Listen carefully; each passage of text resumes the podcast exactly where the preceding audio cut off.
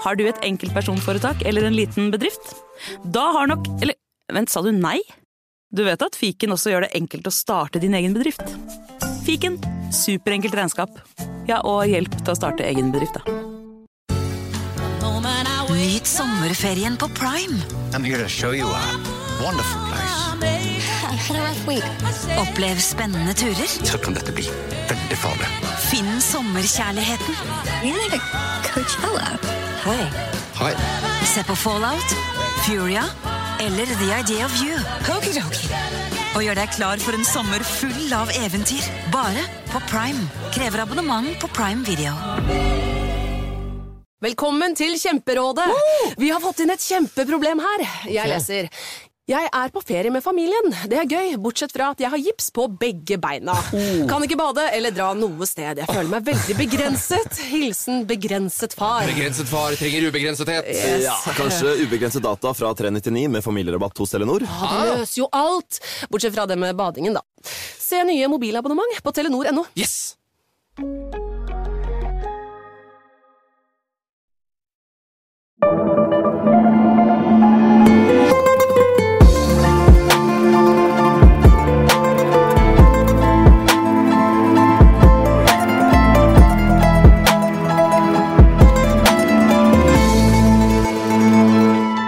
Hjertelig velkommen til Gangsterpodden. Det er en podkast for deg som liker gangstere. Ha-ha! Det er. Er helt. Ja, men Jeg syns den var fin. Eh, Det som kunne passa seg nå, når du hadde litt svakere start enn vanlig, kanskje en sang? Kanskje noe Kurt nei, Nielsen? Nei. Skal ikke ha det. Nei. Bra! Nei, men da er vi i gang, da. Hvordan står det til da, Flatseth? Det går greit med meg. Du har øh, korona, eller? Ja, jeg fikk noe sånn positiv eh, utslag på testen i dag tidlig, så da ble det hjemmestudio. Men uh, heldigvis så går det egentlig veldig ålreit, altså. Du har jo Kanskje vært gjennom dette, du. Du hadde jo delta eller noe sånn litt hardere variant, du. Og det er lenge siden, men det, nå er man lei av å snakke om det. Men jeg får bare ikke Ja. håpe Altså Jeg ser forts, Folk går fortsatt med disse munnbindene, og kanskje det er eh, aldri tar slutt. Kanskje man må ha hjemmekontor hver gang man tester positivt for andre sånn influensavirus og alt mulig òg. Jeg vet da søren, jeg, men jeg, den helgen som var nå, var første helgen jeg da ikke hadde munnbind. Jeg var i butikken og var ute og spiste og det ene og det andre. Ja. Og da får jeg korona. Så for de som da mener at munnbind ikke har noe effekt, så kan det være bare tilfeldig. Altså, jeg aner ikke. Men jeg fikk i hvert fall korona. Så jeg vet ikke helt Så eh, da hvorfor. sitter vi ja, som vanlig, får vi si, i hvert vårt, eh, hver vår stue. Ja, Du ligger da ikke under dynen. Nei, i dag er jeg også oppe og sitter, ja. I Ja, du har mye mer energi når du ligger. Har jeg det? Ja, mye mer energi. Introen En din ruver jo over når du sitter normalt. Ja, nei, Den var svak, den introen. Det er jeg helt enig i. Ja, eh, dere som har lest, eh, dere, dere som har lest tittelen på episoden før dere trykka play, eh, vet jo at denne heter The Addams Family. Ja, eh, man tenker jo sikkert eh, sitt. Uh, går an på hvilken generasjon du tilhører. Noen har jo sett uh, filmer med Adams Family, noen har sett tegneserier. Uh, vi skal ta for oss noe kanskje litt annerledes, for i dagens episode så skal det da handle om tre irske brødre som siden 80-tallet har drevet en noe uvanlig familiebedrift, kan vi vel si, da. Brødrene Terry, Tommy og Patsy Adams er da nemlig hovedmennene i denne i dagens kriminelle organisasjon, kjent under navnet The Adams Family. Terry, Tommy og Patsy. Ja. Jeg savna Fester eh, i den uh, oppramsingen her. Altså, Fester. Tommy! Altså, Tommy, gangstere og Storbritannia tenker bare på Peaky Blinders, jeg. Ja, det er klart det. det, er klart det. Tommy. The, Adam, The Adams Tommy. Family er ja da, The Adams Family er også kjent som uh, Clerkenwell Crime Syndicate. eh, Ja. Og dette refererer til Clerkenwell, en bydel i London der uh, gruppen tidligere opererte fra. Uh, og, og Crime Syndicate, altså syndika, kriminelt syndikat, har vi snakket om mye i podkasten tidligere. Det er jo noe du elsker, Jim. Ja, Et av Eh, mine favorittbegreper, ja. Mm. ja, og det er jo det er ikke noe mer hokus pokus enn at det er et annet ord for en kriminell organisasjon. Det er jo Ja det, er det samme. Faktisk. Høres råere ut, da. Høres mye ja, råere ut. ja da. Vi kan jo også da nevne at eh, The Adams Family ø, går under andre navn, blant annet, eh, som da også er en referanse til noe som gikk på TV i gamle dager, nemlig noe jeg digga, som var The A-Team, som eh, Har du sett på A-Team? Nei. Det er de gutta som kjørte inn den vanen. Fire karer som løste operasjoner. Litt sånn Mission Impossibles-karer. Å ja, den, ja. ja den så Ja, mye. ja. Nei, jeg kødda. Jeg har ikke sett det. Ok. Nei, jeg, jeg, vet om det, men jeg har ikke sett det. Uansett, det er ganske hardbarka karer, det kan jeg fortelle, da. Men det er ikke de vi Eh, skal snakke om i dag. Nei, nei, vi skal ikke snakke om de i dag. For vi skal holde oss til ett kallenavn, og vi går for Adams Family. Eh, så det er det man forholder Ja. seg til i dagens episode. Ja. Eh, for det var jo ikke da kun brødrene Adam som var med i dette nettverket. De hadde jo en rekke folk under seg, håndlangere, hjelpere. Eh, og Adams-gjengen skal ha stått bak angivelig minst 25 mord. Det er det vi vet. Og, og de Det betyr egne jo mer. Det ja, betyr det jo mer. betyr, ja, ja, ja, det er alltid bare brøkdel av sannheten. Ja, ja. Eh, Og de hadde da egne folk som tok av seg likene. Eh, det var de kjente for. Det skal vi komme litt tilbake for når det faller seg naturlig. Å ta seg lik, da tenker jeg på The Wolf i Pole Fiction. Ja, Absolutt. Den har du sett. Det er alltid en sånn eh, type som man ringer og som kommer, ja, med noe, med noe laken og noe håndplasthansker og noe vaskemidler og, og som ordner og styrer. En fikser. Um, ok, men la oss starte nå med å gi dere lyttere et bitte lite overblikk. For på 1980-tallet så bygget da brødrene Adams opp et uh, storslagent, føler vi i hvert fall vi, da, kriminelt nettverk. Basert på alle de klassiske tingene, spesielt da narkotika, utpressing og prostitusjon. Ja. Eh, historien vi skal høre i dag, inneholder jo alt fra uh, gullbarer, eh, mord, til Wayne Rooney og Kenny Daglish. Eh, altså Det er sikkert folk som ikke ser på fotball her. Ja, Wayne Rooney er jo en av tidenes mestskårende på Manchester United. Kenny Daglish er eh, tidenes trener for Liverpool. Så er det, Og en veldig god spiller for Liverpool. Og en veldig god spiller før det igjen. Så det er bare å sette seg godt til rette og uh, spisse øra og høre godt etter. Ja, Vi skal starte da med Adam-brødrenes eh, oppvekst. Um, og Vi nevnte jo tidligere brødrene de var fra en irsk familie. eh, og de var del av en stor flokk med kids. Helve elleve barn var de, som da vokste opp i bydelen Islington. Islington eh, nord i London. Og faren han jobbet som lastebilsjåfør, mens moren var husmor. Og Terry Adams han var da eldst av de elleve barna, og han ble født 1958. Og Terry og brødrene de eh, Når vi sier tøff barndom, så vil jeg nesten si knallhard barndom for de gutta her. De vokste nemlig opp i nabolaget Barnsbury på 60- og 70-tallet. Ja, det var knallhardt, selvfølgelig. Og Terry han var eh, spesielt nær med sine to yngre brødre Patrick, altså Patsis, eh, og Patsy? Sean, altså Tommy. Eh, de kan- Tommy.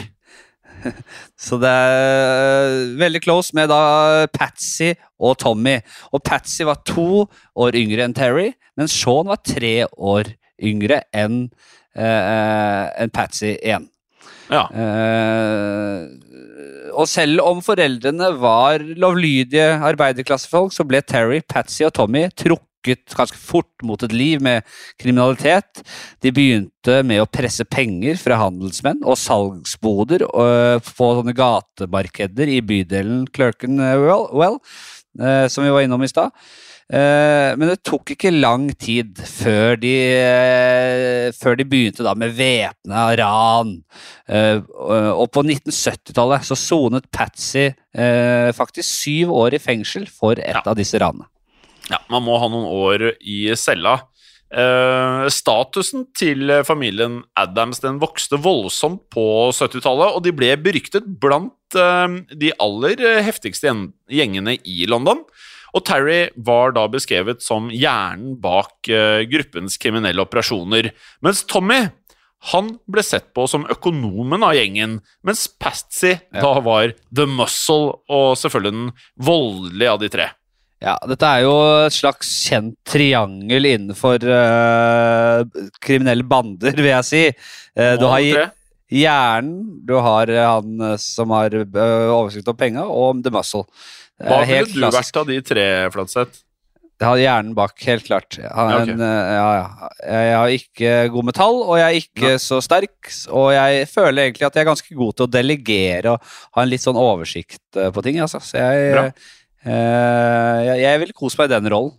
Eh, en tidligere medarbeider av Adams-brødrene han har sagt følgende. Terry var alltid den mest rasjonelle i gjengen. Broren hans Tommy var vill, og den andre broren Patsy kunne også være helt vill og gal. Mange av de involverte i denne type virksomhet uh, har ikke så mye under topplokket, men Terry og brødrene hans var annerledes. De hadde klasse. Terry oh. var alltid pent kledd og hadde ansvaret for det som foregikk. Når han gikk inn i et rom, så reiste alle seg. Han var som en kongelig, har denne tidligere medarbeideren sagt. Ja, nei, Det kan jeg like. Jeg skulle ønske litt at jeg opplevde noe av det samme. At folk reiste seg når jeg kom. Gjør det ikke det? Du er, jo, du er jo det vi kan kalle sjef i moderne media. Er det veldig flat struktur der? Jeg syns du er kanskje litt for snill med dem, altså. Ja, du mener se- jeg, har sett, jeg har sett, sett deg gangene litt for god, godhjerta og opptatt av flat Hva skal, struktur. hva skal Du jeg kan- gjøre? Nei, det er jo bare å være litt uh, knallhard, da. Stille litt knallharde krav. Å, fy faen. Det er ikke verre. Ja, nei, men Kan ikke du lære meg? Jeg kan Du lærer meg, du, da. Det er fint. det er fint. På 80-tallet så gikk da familien Adams inn i narkohandel. Eh, og det var da gjengen virkelig fikk eh, fotfeste også makt i Londons eh, underverden. Og brødrenes kriminelle aktiviteter ble på dette tidspunktet også langt mer organiserte. Og med det så ble de også regnet for å være det jeg ville kalle et ekte krimsyndikat. Og var på mange måter organisert som en mafia. Ja, og det var enorm etterspørsel etter kokain og, og, og cannabis på 1980-tallet, og senere også ecstasy på 1990-tallet. Og Adams-gjengen knyttet forbindelser til de såkalte Yardi-gjengene. Yardi er en betegnelse på kriminelle av jamaicansk herkomst, spesielt Ja. da i Storbritannia. Yardis. Eh, og, og, og Adams-gjengen skal ha brukt disse jamaicanerne, og andre afro-karibiske innvandrere som ekstra mannskap og muscles for å myrde informanter og ta rotta på rivaliserende eh, rivaler, rett og slett. Ja. Ja da, men det var langt ifra alt eh, som Adams-brødrene holdt på med, for de inngikk også et samarbeid med de colombianske coca-kartellene. Og avtalen var den gang verdt eh, Man estimerer i hvert fall eh, rundt 80 milliarder millioner dollar, 1,6 milliarder kroner, inflasjonsjustert til dagens verdi. Eh, pengene som da ble tjent her, ble da hvitvasket gjennom flere forskjellige metoder, men for det meste så var det da korrupte finansmenn, regnskapsførere, advokater og andre fagfolk da som eh, deretter investerte pengene videre i eiendom eh, og andre tilsynelatende legitime virksomheter. Og Adams-gjengen var jo også selvfølgelig får vi si, involvert i gambling og utpressing, og, og prostitusjon var vi innom i stad, men det var, ikke, det var ikke den hyggelige formen for prostitusjon, det var ordentlig tvangsprostitusjon, skikkelig knallhard hal- hallikvirksomhet. De drev med kunsttyveri, forsikringssvindel, listen er lang, og det ble også spekulert i om Adams-gjengen var involvert i et av Englands mest legendariske ran, tyveriet av gullbarrer eh, fra lageret Brings Matt på Heathrow flyplass i 1983. Og Ja. da ble gullbarrer, diamanter og kontanter til en verdi av nesten 6 milliarder kroner stjålet. Og verdisakene, disse greiene, ble aldri funnet. Og Ah. ranet, det, det ranet på den flyplassen er jo egentlig verdt en episode i seg selv, så vi, vi skal se om vi kommer tilbake til det i en egen episode. Ja, men la oss ta en liten pause her, eh, Fladseth. Men eh, når vi er tilbake, skal vi da høre mer om hvordan det gikk videre med Bødre Nærdem selvfølgelig. For etter hvert så startet myndighetene å virkelig sirkle rundt eh, gjengen, som etter sigende da sto bak disse 25 gjengdrapene. Eh, mer om dette etter en kort pause.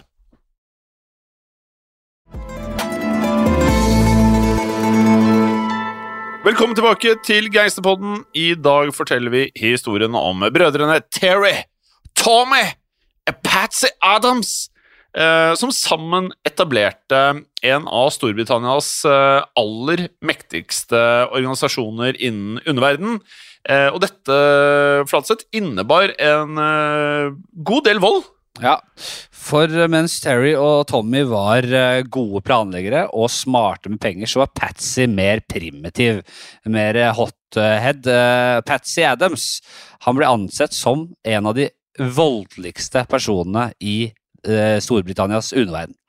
En ordentlig jævel, og han fikk et tidlig rykte i denne underverden ved å bruke motorsykler under gjengdrap. Det er jo okay. selvfølgelig Ja, det er helt rått. Eh, og Patsy Adams eh, sitt signaturattentat var en såkalt two-up, der han satt bakpå en motorsykkel og skjøt offer i fart.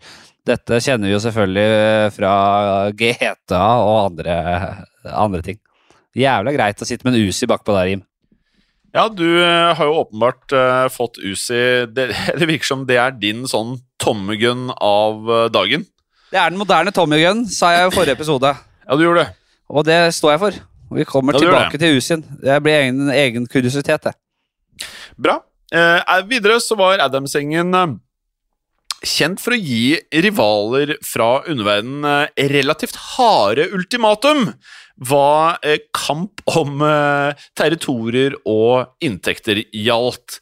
For alle som motsatte seg da Adams-gjengen, fikk altså det var mye som skjedde. Blant annet så var det ofte at kneskålene ble knust. Eller så bare Det er ble det. de klassiker, det. Klassiker, det. Ja, ja, ja. ja, ja. Det, det bestrider jeg ikke på noen som helst måte. det sett. Um, eller så kunne de, og da tar jeg det på engelsk, de kunne bli opened up like a bag of crisps. Og crisps er da potetgull uh, på storbritisk. Åpne opp som en pose potetgull. Det er aldri noe særlig. Eh, det, Ikke hvis det er menneske, nei. det er aldri noe gøy. Det er aldri noe gøy. Eh, eller da som en angivelig insider i gjengen har uttalt Vi har et sitat her, men kan ikke du ta den, du som er så stødig i, i, i, i engelsk? Vel, jeg kan prøve. If you're doing a job and you had the Adams family behind you, even just the name, it meant no one was going to fuck about with you. Everyone would know they were going to get paid and everything was go as smoothly as possible. Det er en som har sett på Peaky Blinders, vet du. Jeg følte var ganske ræva, men jeg gjorde mitt beste. Uh, og Adams-gjengen de nøt da altså enorm respekt blant uh, andre kriminelle. Og en stor del av eh, inntektene deres kom fra å eie klubber i spesielt eh, Nord-London, eh, og at de da gjennomførte store mengder med væpnede ran. Og vi nevnte jo også før pausen at de klassiske tingene, altså narkotika blant annet, var jo også en viktig Noe som utgjør en stor del av porteføljen deres.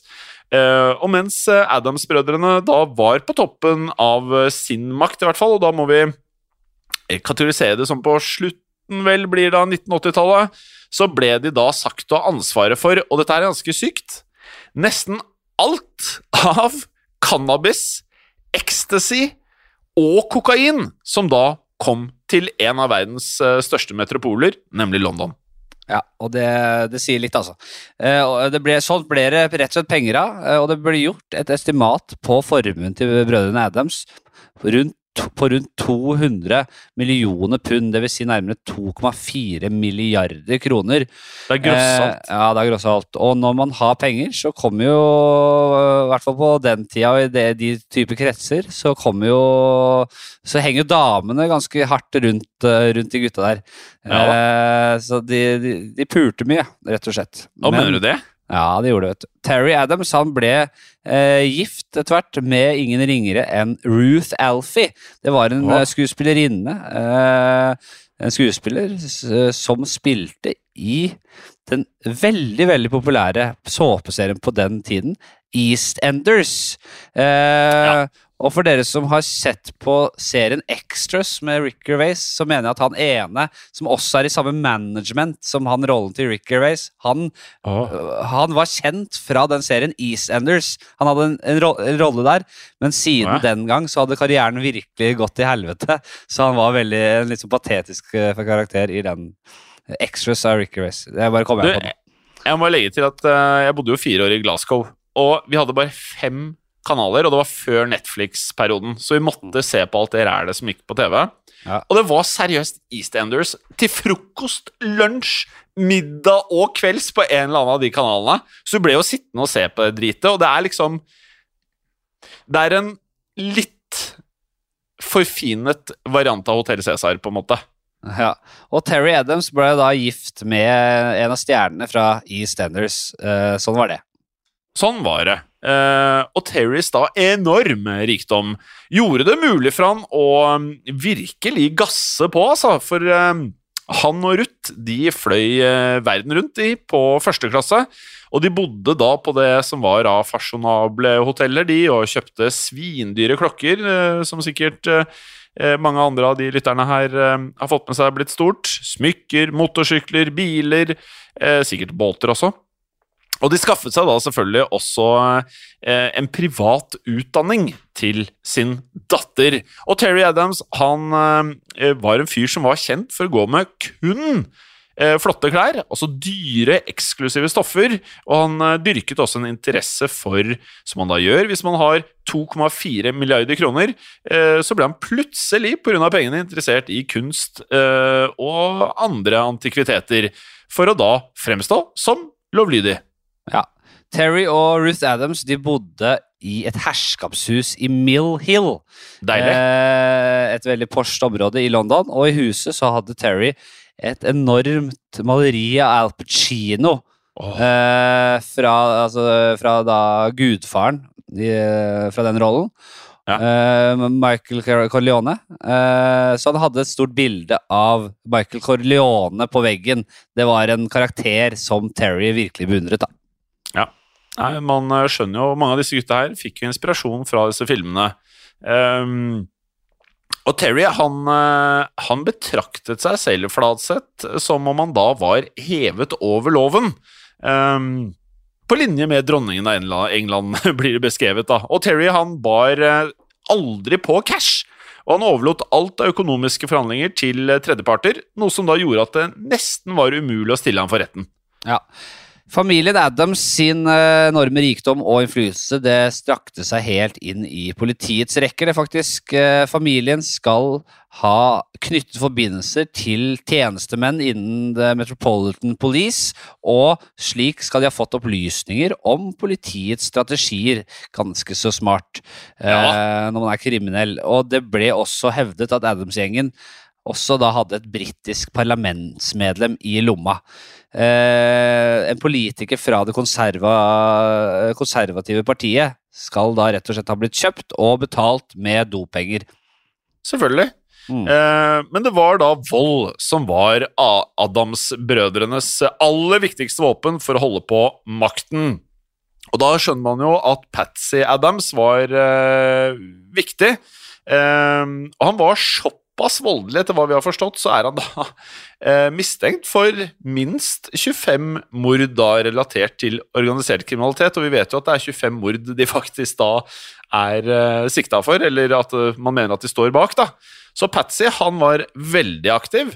Eh, og dette skal han da ha klart å racke opp på bare tre år. Altså han har drept 25 pluss på tre år, Fladseth. Ja, ja. Selvfølgelig Patsy var gal, sier vi. Si- Sa jeg i stad. Ja, Han er jo voldsomt òg, da. Men uh, brødrene de uh, bestilte også mord. Det var ikke sånn at de bare foretok det, uh, tok dem dette her sjæl. For et av de uløste drapene som brødrene er knyttet til, er da mordet på den tidligere britiske mesteren i høydehopp, av alle ting, nemlig Claude Mosley. Og Mosley han jobbet for eh, eh, brødrene han som narkolanger på slutten av 80-tallet. Ja. Det stemmer, men Mosley han ble anklaget av disse brødrene for å ha lurt unna deler av penga. Eh, og en, hå- en håndlanger ved navn Gilbert Winter han ble da eh, satt til å ta av seg Mosley. Eh, og i 1994 så skal Winter ha kuttet Mosley i to med et samuraisverd. Å, fy faen. og Winter ble da stilt for retten for drap, men ble frifunnet da hovedvitnet plutselig nektet å avgi vitnemål, som vi har uh, hørt om så mange ganger før. Uh, og Winter han forsvant da plutselig noen år senere, og det ryktes at uh, liket av Winter, altså, ble kapslet inn i betongen et sted under konserthallen Millennium Dome i London. Altså, det er så mytisk, det. Ja, det er det. Uansett, i eh, 1991 så ble Adams-brødrene knyttet til drapsforsøket på, bare hør på det her, Mad Frankie Frazier. Eh, og han var da en veteran han i eh, gjengmiljøene i eh, London. Og Frazier han ble da skutt i huet utenfor en klubb i London, men han overlevde. Og Frazier var da en eh, tidligere håndlager for de beryktede tvillingene som vi har pratet om tidligere i Gangsterpodden, Reginald og Ronald Cray, som da også var to gjengledere i Londons underverden på 1960-tallet, altså litt før Adams-gutta. Ja. Og vi har tidligere laget uh, både én og to referanser til Cray-brødrene i andre episoder, og en egen episode om dem. Sjekk det ut. Mad Frankie Frazier han var heldig som overlevde dette mordforsøket, men han nektet å fortelle politiet hva som hadde skjedd, eller hvorfor. Eh, selv om han hadde da faktisk mistet en del av kjeften som følge av disse skuddene. Og dette ble tolket som et tegn på den sterke æreskodeksen i eh, den kriminelle underverdenen. Man tystet rett og slett ikke til eh, politiet. Sånn var det. Nei, sånn var det. Men rundt årtusenskiftet så begynte sakte, men sikkert eh, brødrene å miste noe av makten sin. Og dette skyldtes eh, delvis, eh, som det ofte er, nye rivaler som da kom opp i London.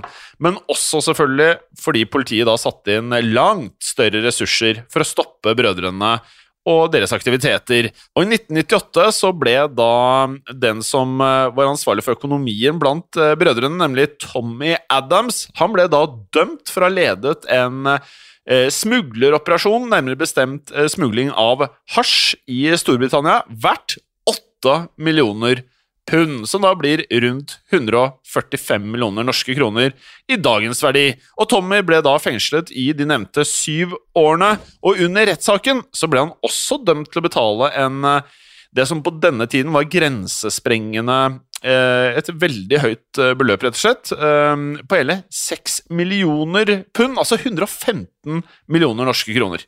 Ja, og som vi nevnte i stad, så var uh, Terry Adams uh, selv, sjefen kan man si, uh, nesten umulig å stille for retten. Men bare nesten.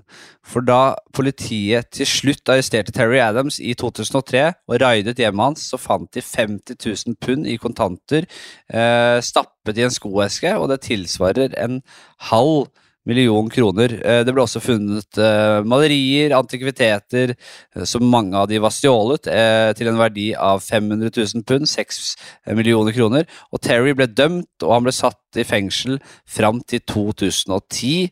Eh, og da ble jo selvfølgelig Terry plukket opp utenfor murene av en Porsche Cayenne. Selvfølgelig ble han det.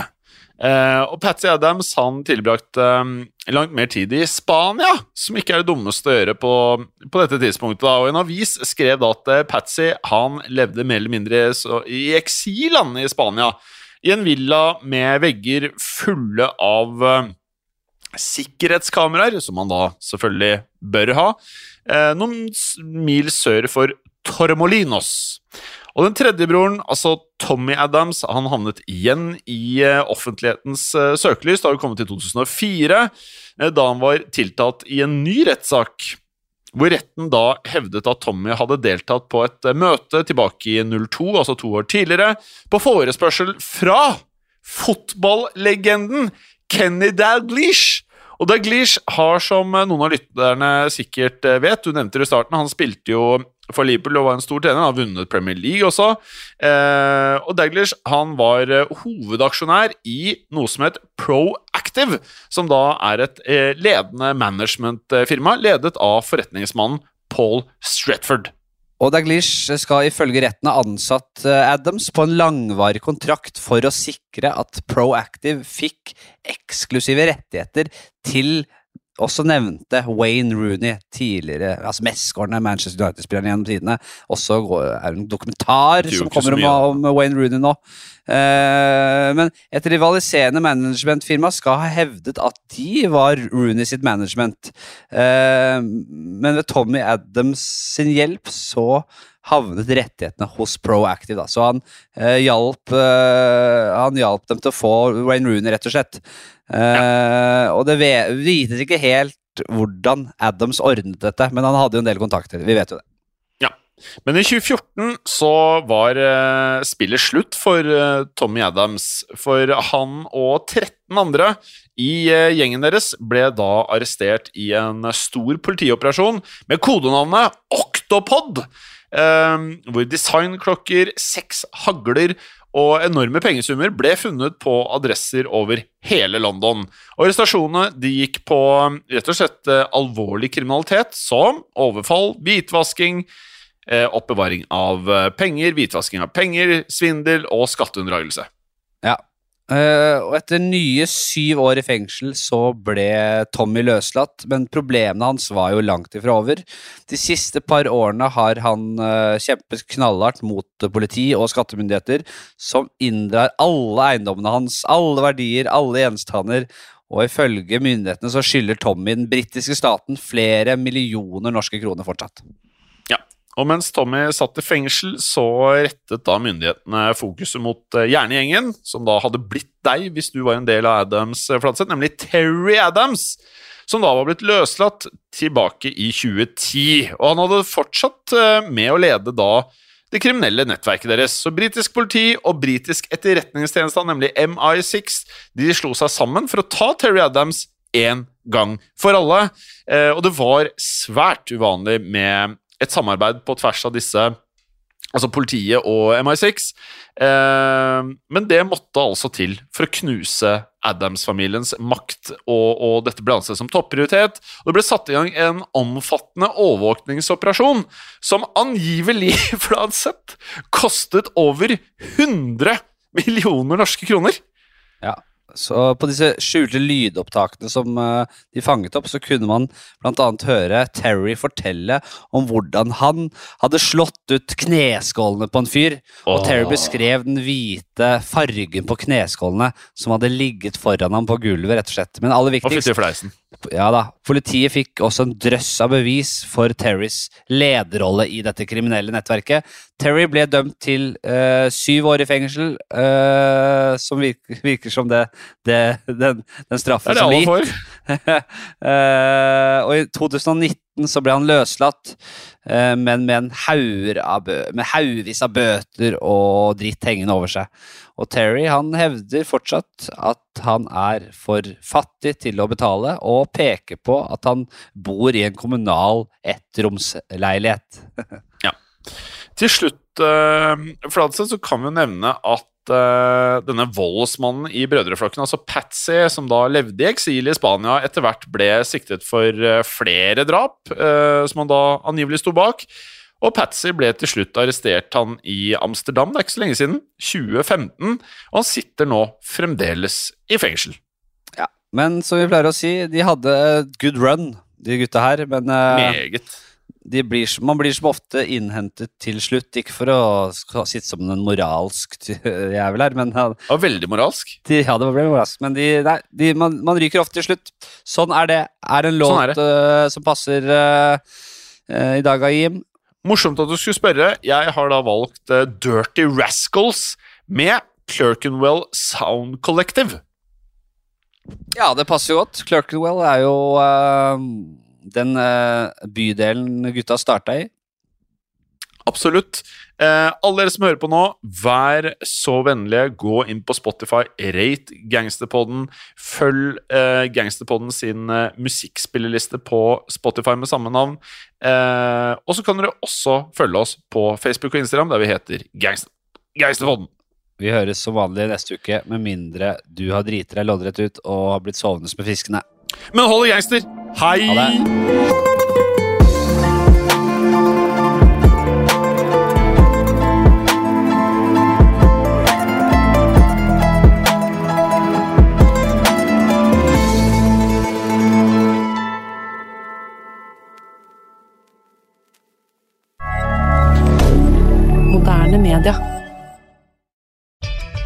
Kan kundene dine betale slik de ønsker?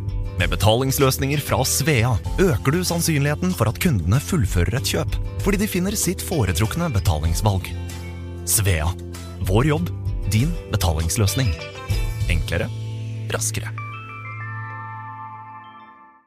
Et godt råd fra Apotek 1. For noen pollenallergikere er sesongen allerede i gang, og mange vil kjenne på nysing, rennende nese og kløende øyne. Er du plaget av allergi, har Apotek 1 tabletter, nesesprayer og øyedråper som kan hjelpe. Skyll øyne og nese med saltvann regelmessig, og skal du ha vinduet åpent, bør du dekke det med et pollenett. Kom innom og få råd på ditt nærmeste Apotek 1, eller chat med oss på apotek1.no. Apotek 1 vår kunnskap, din trygghet. Nå fyrer Kiwi opp grillen med billig sommer- og grillmat. Juicy og smakfulle grillpølser. Hva med pølseserien Grillvers fra Folkets? Før 39,90. Nå ny lav pris 34,90 per pakke. Eller bestselgeren Gilde trepakk grillpølser til bare 119. Crispy salater og alt det digge tilbehøret. Utvalget er stort, og prisene, ja, de er alltid lave. Hos Kiwi.